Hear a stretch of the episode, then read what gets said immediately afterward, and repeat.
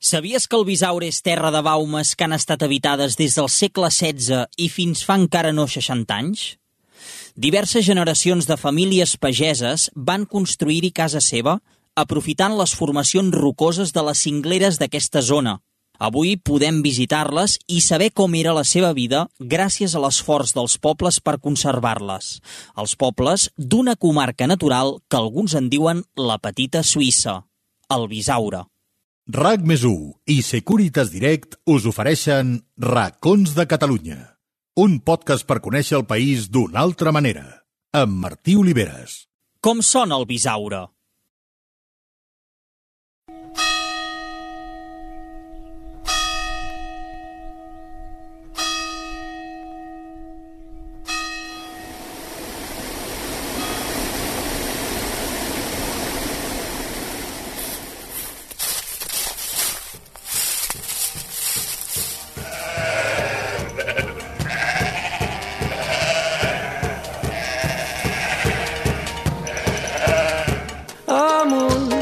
Encara hi ets és un plaer haver aguantat la vida amb tu.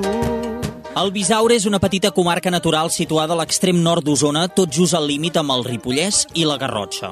Està formada pels municipis de Sant Quirze de Besora, Montesquiu, Sora, Santa Maria de Besora i Vidrà.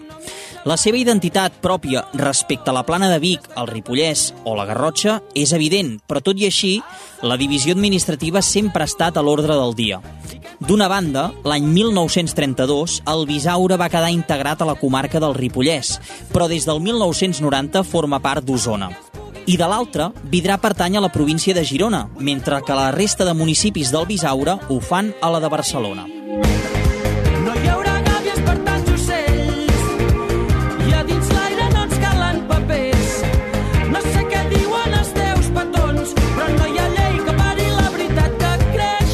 Territori de muntanya on bona part de la seva superfície es troba dins de l'espai d'interès natural de les serres de Milany Santa Magdalena i Puigsecal Bellmunt, i encara una altra part dins del Parc Natural del Castell de Montesquiu. Per cert, una curiositat, algunes persones en diuen l'orinal de Catalunya o la petita Suïssa. Ja us imagineu per què, oi? Sí, no us equivoqueu, no, perquè hi plou molt de fet, és un dels llocs més plujosos de Catalunya. El paisatge del Bisaure respon precisament a aquest clima plujós, amb el verd dels camps i els boscos omnipresent i amb alguns salts d'aigua espectaculars, com el del Mir o el del Molí de Salgueda, aquest últim ja al límit amb el terme municipal de Sant Pere de Torelló. Segur que la incertesa em fa seguir, potser no saber en el fons em fa feliç. Digue'm qui podria saber millor que tu els cops que has vençut l'angoixa i has viscut el Bisaure també destaca pel seu patrimoni històric, amb dos noms propis, el Castell de Besora i el Castell de Montesquiu, i per la seva gastronomia, amb una cuina excel·lent i de proximitat durant tot l'any.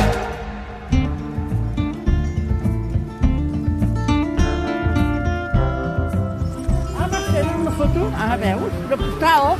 Era una postal, allò. A mi me la va passar la Montse. Above the plains of Omaha, I think of all the suffering I saw. Mireu, sóc a Sant Quirze de Besora, estic acompanyant un grup de dones que fan una caminada, un passeig saludable per aquí a la vora del riu Ter, que és el riu d'aquesta zona del, del Bisaure, i precisament em dèieu que una de les dones viu a la part dreta del riu i l'altra viu a la part esquerra. Vostè com es diu i a quina part del poble viu? Cap al cantó del carrer Diputació, al cantó de Berga. Al cantó de Berga, sí, diem. que hi ha un taller, sí. trencant a la dreta cap amunt i cap a l'esquerra. I després tenim a la, vostè es diu? Paquita. A la Paquita, que vostè viu al, al centre del poble, sí, diem. al centre, allà on hi ha l'església.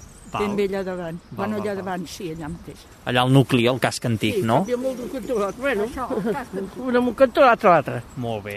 Jo visco allà aquell cantó d'aquell barri, més abans, cap allà aquell cantó. I què li, què li sembla aquest passeig de, de la vora del Ter de Sant Ai, Quirze? Vostè és de tota la vida d'aquí? Sí, bueno, des de l'edat de 14 a 14 anys. Des dels 14 anys a Sant Quirze? Sí, que havia estat la Farga, jo.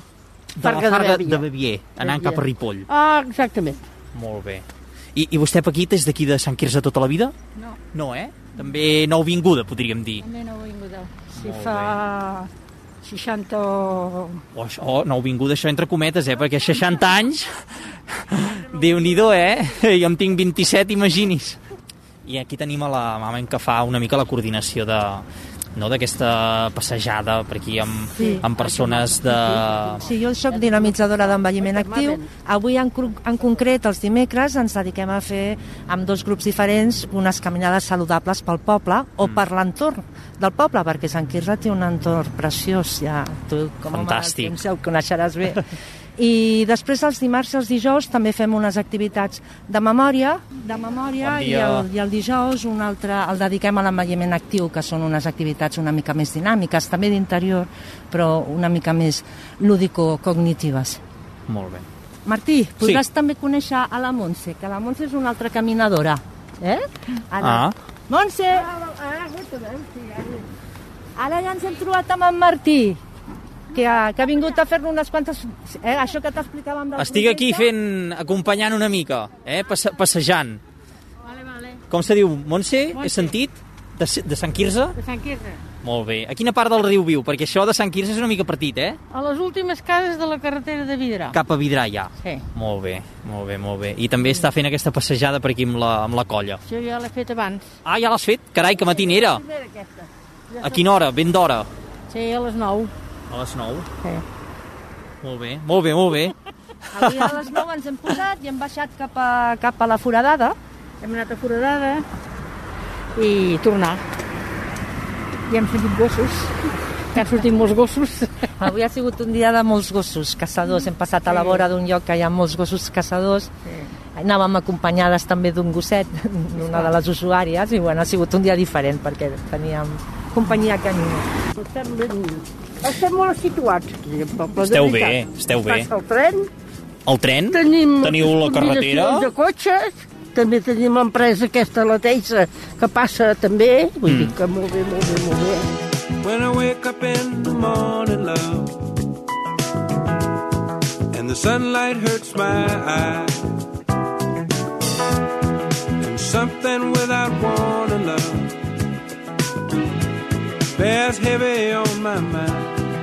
Mireu, ara he entrat a la cuina de, de la Creu de l'Arts de l'Hostal Serra Solses de Vidrà i estan en marxa, eh? Heu de pensar que són gairebé les dues, uh, Setmana Santa, per tant, allò perfecte per, per moure molta gent i què millor que venir-ho fer aquí al Bisaure, que és una zona fantàstica.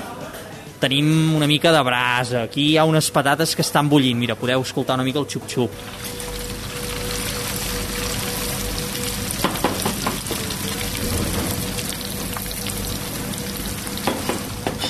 Una mica tot, uh, botifarra, llonganissa a la brasa, xai, bistec... Aquí estan preparant també, mira, amanida, tenen xampinyons frescos per després passar per la paella. Uh, bueno, m'han deixat entrar aquí i veure una mica quin és el procés.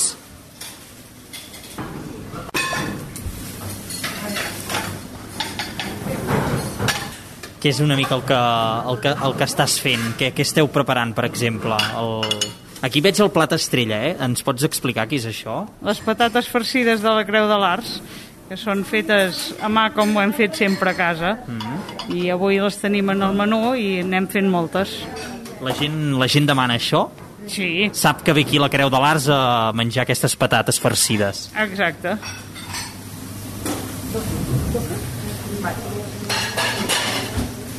Quan anaven dues de la 22 i dues de la 24?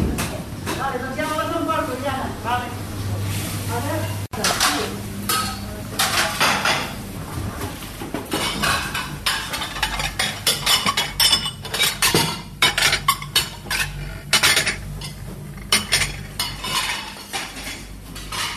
Va, doncs surto de la cuina, d'aquí de la Creu de l'Arts, de l'Hostal Serra Solses, i me'n vaig cap a dinar, perquè té una pinta brutal.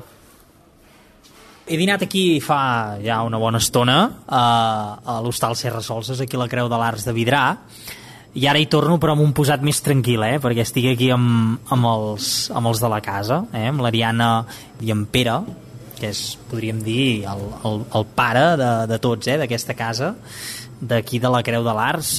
He menjat patates farcides, abans ho dèiem a cuina, que és el vostre plat estrella, Ariana. Sí, sí. De fet, és el, probablement el plat que ens dona més nom arreu, que tothom coneix les patates de vidrà. I escolta'm, com va començar aquesta aventura? Això li pregunto més en en Pere. Pere, eh, vostè va començar aquesta aventura aquí a Vidrà. Com va anar tot? Mira, jo vaig començar quan el meu pare es va morir, que jo tenia 15 anys.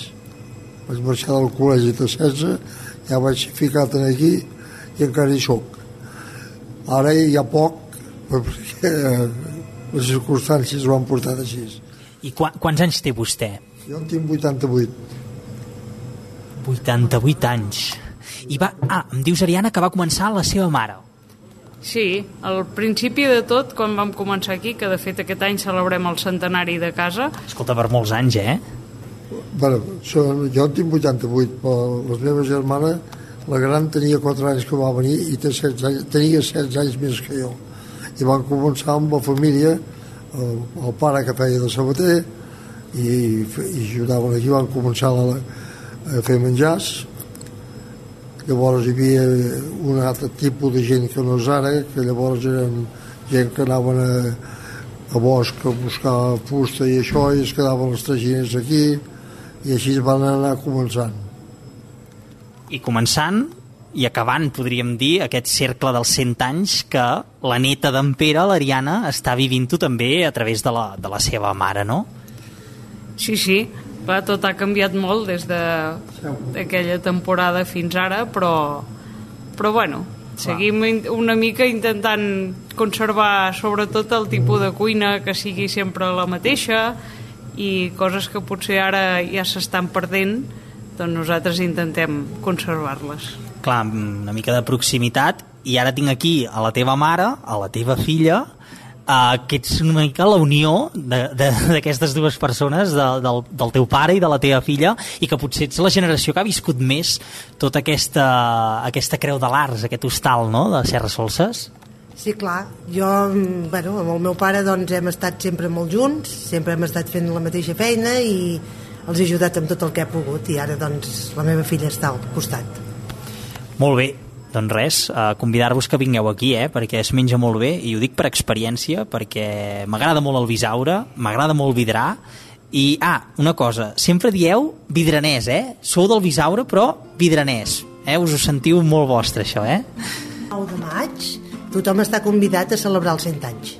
Perfecte, ara m'ho deia, 100 anys. Doncs mireu, 29 de maig, eh? Uh, sapigueu que hauran celebrat, si no ho pugeu abans, sapigueu que hauran celebrat aquest centenari de la Creu de l'Ars, que és el punt gastronòmic uh, de referència d'aquí Vidrà, eh?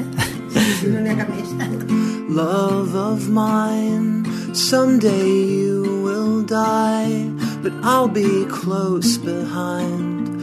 I'll follow you into the dark i ara, abans de continuar el nostre petit viatge pel Bisaure, deixeu-me que us recordi que ja tenim aquí a la Sònia, que avui ens explicarà alguns dels serveis de Securitas Direct perquè estiguem ben tranquils mentre voltem per Catalunya. If heaven and hell decide that they both are satisfied Sònia, endavant.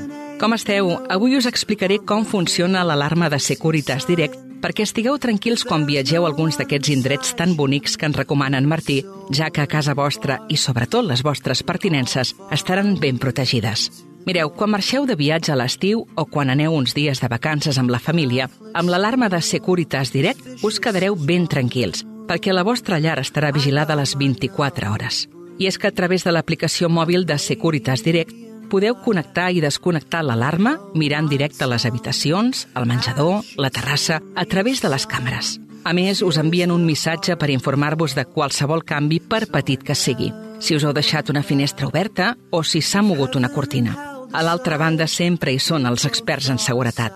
Així d'eficient és l'alarma de Securitas Direct. I és que a casa vostra o al vostre pis o apartament és on hi ha tot el que val la pena protegir. Si per vosaltres és important, confieu en Securitas Direct. I'll follow you into the dark.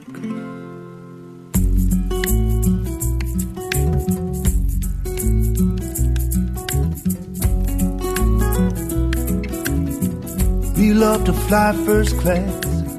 Someone else pays the ticket. We love to gossip. Don't care about sóc a Can Font, al veïnat de Siuret, municipi de Vidrà, aquí al final podríem dir del, del Bisaure. I estic entrant aquí a la part que hi ha tot el corral dels xais. Mireu, ja comencen a cantar. I per aquí he quedat amb en Ramon, d'aquí, que és fill d'aquí de Can Font. Oitol, el tenim aquí donant de, de menjar a les, a, les, a les ovelles.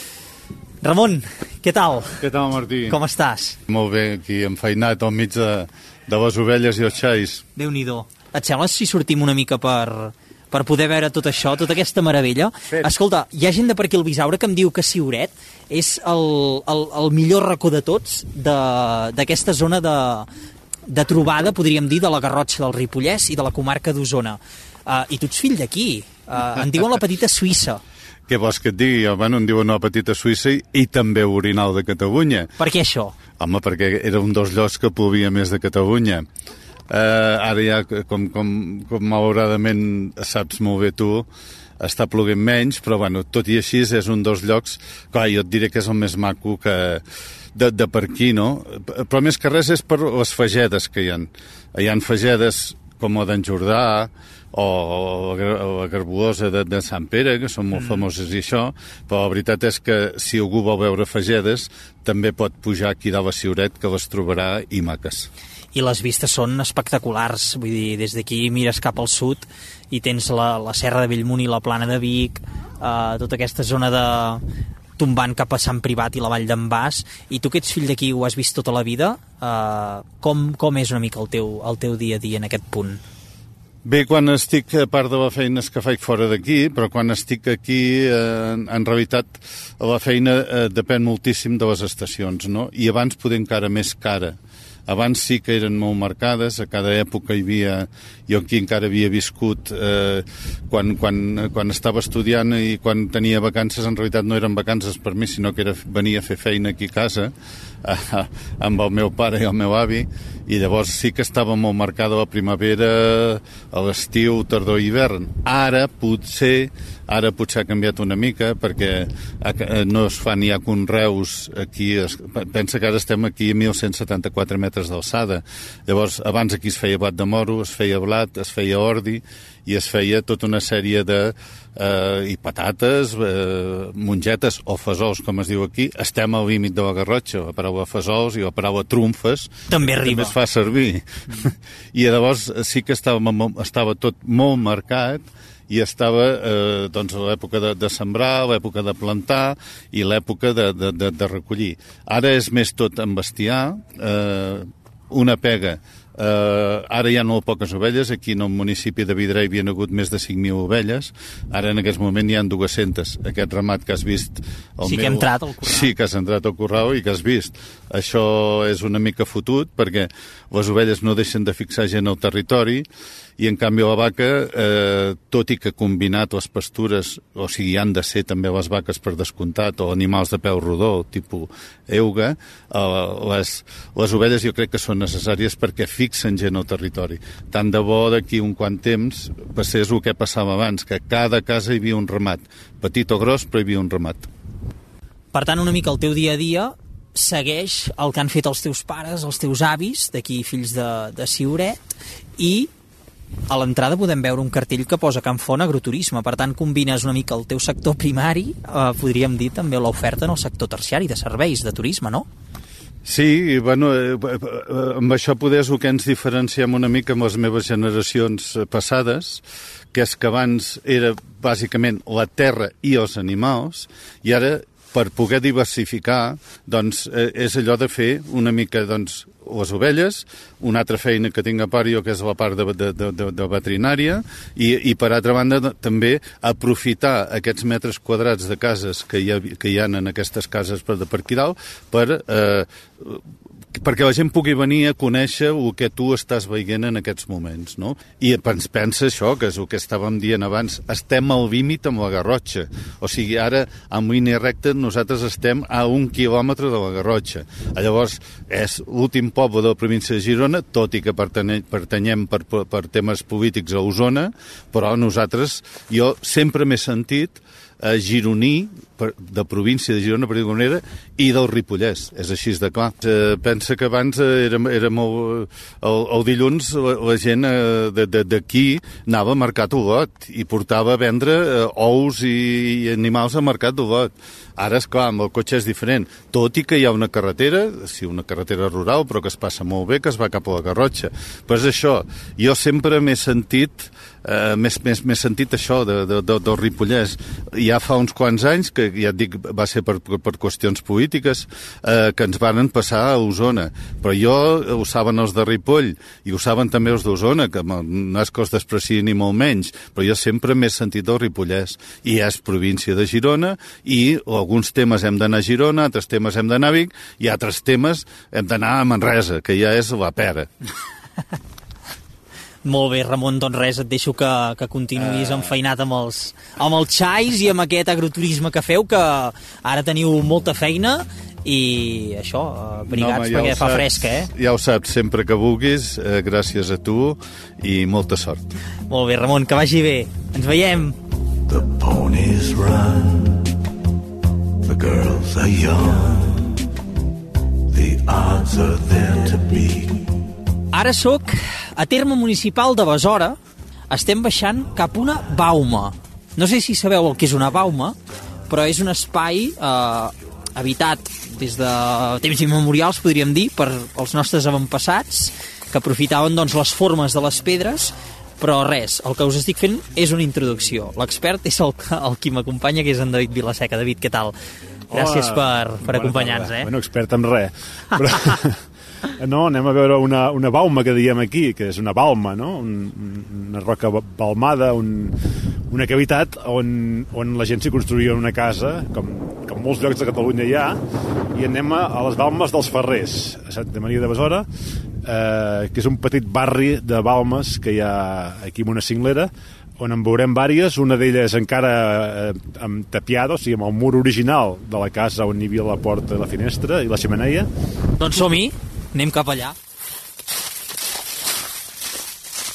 Doncs ja som a la bauma dels Ferrers de Besora, de Santa Maria de Besora. Fixeu-vos com canvia el so, eh? Ara mateix hem entrat a dins aquesta cavitat de les roques aprofitades. Em deies, David, des del 1500, eh, la gent que vivia aquí? Des del 1500 hi ha documentació, eh, més o menys continuadament, i sabem, es poden anar seguint els noms de les famílies que habitaven aquestes baumes. I fins quan van estar habitades? Quants anys enrere hem de tirar per trobar gent vivint aquí? Home, habitades, habitades com a famílies pageses, les últimes baumes d'aquesta zona del Bisaure i Illa és als anys 50 com, com, a, com a famílies pageses, com a buscarols i com a carboners, l'últim carboner fins l'any 68, 1968. Com era la vida una mica de les famílies, de la gent, els que ho heu seguit i documentat una mica, què, què en podem saber a dia d'avui? Home, aquí vivien gent pobra, evidentment, gent que tenia un petit, eh, unes petites feixes aquí davant de la bauma i quatre cabres i ja està, o sigui, era pura supervivència. No, no, no hi ha més.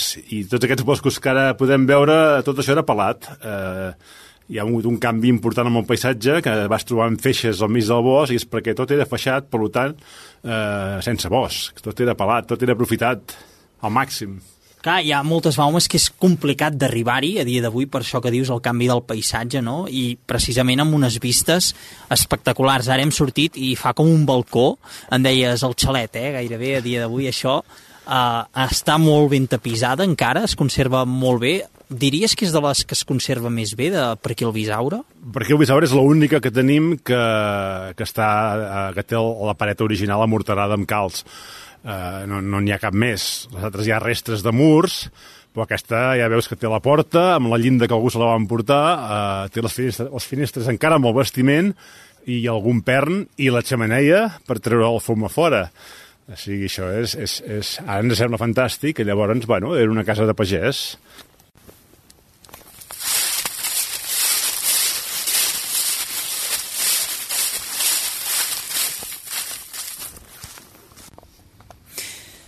I ara hem pujat caminant, continuo amb en David, acompanyat d'aquest mestre del Bisaure, que, que és en David Vilaseca de Sant Quirze.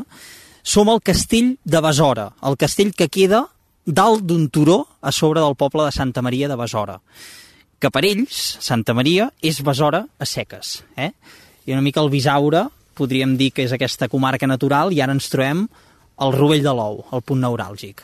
Exacte, exacte. Estem a dalt del castell de Besora, que és un turó rocós que és una fortalesa ja de per si sola, perquè aquí no van, no van haver de construir gaires muralles perquè la pròpia, el propi cim ja, ja, és, ja està ja, ja, ja es fa de defensa, no? I aquí dalt hi ha les restes del castell i l'església de Santa Maria del castell.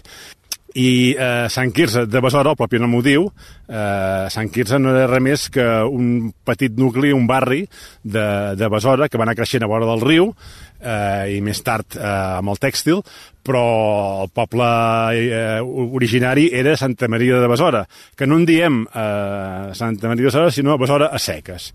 I aquí on estem, el castell, eh, és molt interessant, a part de la vista que ja veus, i ara que estem mirant l'església, doncs l'església s'hi han fet campanyes arqueològiques des del 2005, se'n venen fent, eh, s'ha consolidat la ruïna i s'ha deixat en condicions, en condicions perquè sigui visitable, eh, ara podrem pujar fins a dalt a la torre i podrem veure unes reproduccions de les tombes que hi havien eh, que es van trobar aquí.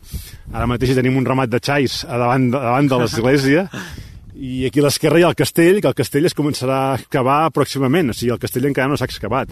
Uh, aquí en aquest pla hi ha molta cosa encara per fer, i cada any es van fent campanyes, i també hi ha mm, mm, moltes èpoques, perquè es va començar trobant un jaciment íber, i s'han trobat els fins fins als enterraments més, més moderns, perquè això era l'església del poble, fins a mitjans del 1700, i encara més endavant hi va continuar vivint gent i aquí s'hi van trobar enterraments de, de, de soldats de, de l'última guerra carlina, per exemple, que són els més moderns que es van enterrar aquí dalt. Molt bé, doncs anem cap aquí, anem cap a, cap a aquesta ermita, l'església de Santa Maria, amb els xais que són una mica els guardians d'aquest moment, eh? Sí. T'enganya.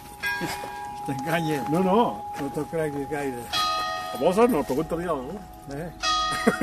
No, no, no pregunti res. No? És que ens hem trobat aquí amb un senyor de Sant Quirze. Home, en David em deia, pregunta-li, que hi entén molt de boscos. Toquen les sis a Santa Maria. De bosc, en sap. Ja m'ha enxufat. Ja- Bueno, si alguna... Conec una mica els arbres.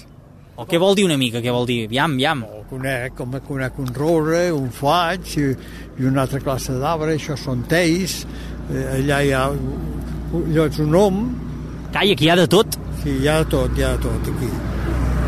Fiquem per que enmig d'aquests boscos trobarem el faig, trobarem les blades, trobarem els teis, trobarem els roures, Ja n'ha fet un llibre de tots aquests noms que, que sap o no, dels arbres? No, vull, però és que jo encara, encara tots els dic tots, perquè aquí miréssim aquí la, la vaca de Bellmunt, doncs te'n podria anar dient els trèmols, les moixeres, els gatells i, Són noms que no havia sentit mai, eh, jo? i, els, i els orons, Els hurons em sonen més. i les aurores, poder. Les aurores boreals. Molt bé, Josep. Molt bé. Molt bé. Sí, home, És un propietari forestal i ara ha treballat tota la vida a bosc i s'estima el bosc com, com si fos un jardí. Eh? I el, el cuida i el, i, el, i, i el viu plenament. d'allò que, el que passa que no hi ha cap bosc igual, eh? Ara disminueix perquè han aprovat això de, de les rompudes i això per les vaques i d'això, però abans el bosc era tot la part obaga i a la part soleia no hi havia arbres. I era tot conreat, tot eren feixes. Sí, eren feixes, però a més d'haver-hi feixes no hi havia arbres. I ara hi ha més arbres quasi al soleil que les vagues. De Sant Quirze cap aquí, això d'aquí al rebell no hi havia cap arbre. Sí, sí. Eh, I allà a Collfred, el pastor, les ovelles, quan les tenia al soleil, no, hi- no hi anava mai a veure-les perquè ja sabia com les tenia, perquè les veia des de la casa, perquè no hi havia arbres. En canvi, ara hi ha arbres. Però això no ho publiquis. I listen to the wind, to the wind of my soul. Where I'll end up, well, I think only God really knows. En aquest 13è capítol hem passejat pel Bisaure, una petita comarca natural situada a l'extrem nord d'Osona. Un dels racons més plujosos de Catalunya, on es conserven baumes espectaculars que han estat habitades contínuament des del segle XVI. Un territori de cingleres, de salts d'aigua, de pastures, de cases de pagès i de petits pobles que, malgrat estar dividits en dues províncies, mantenen intacte el seu lligam i la seva identitat pròpia. No, never, never, never. RAC més i Securitas Direct us han ofert Racons de Catalunya amb Martí Oliveres.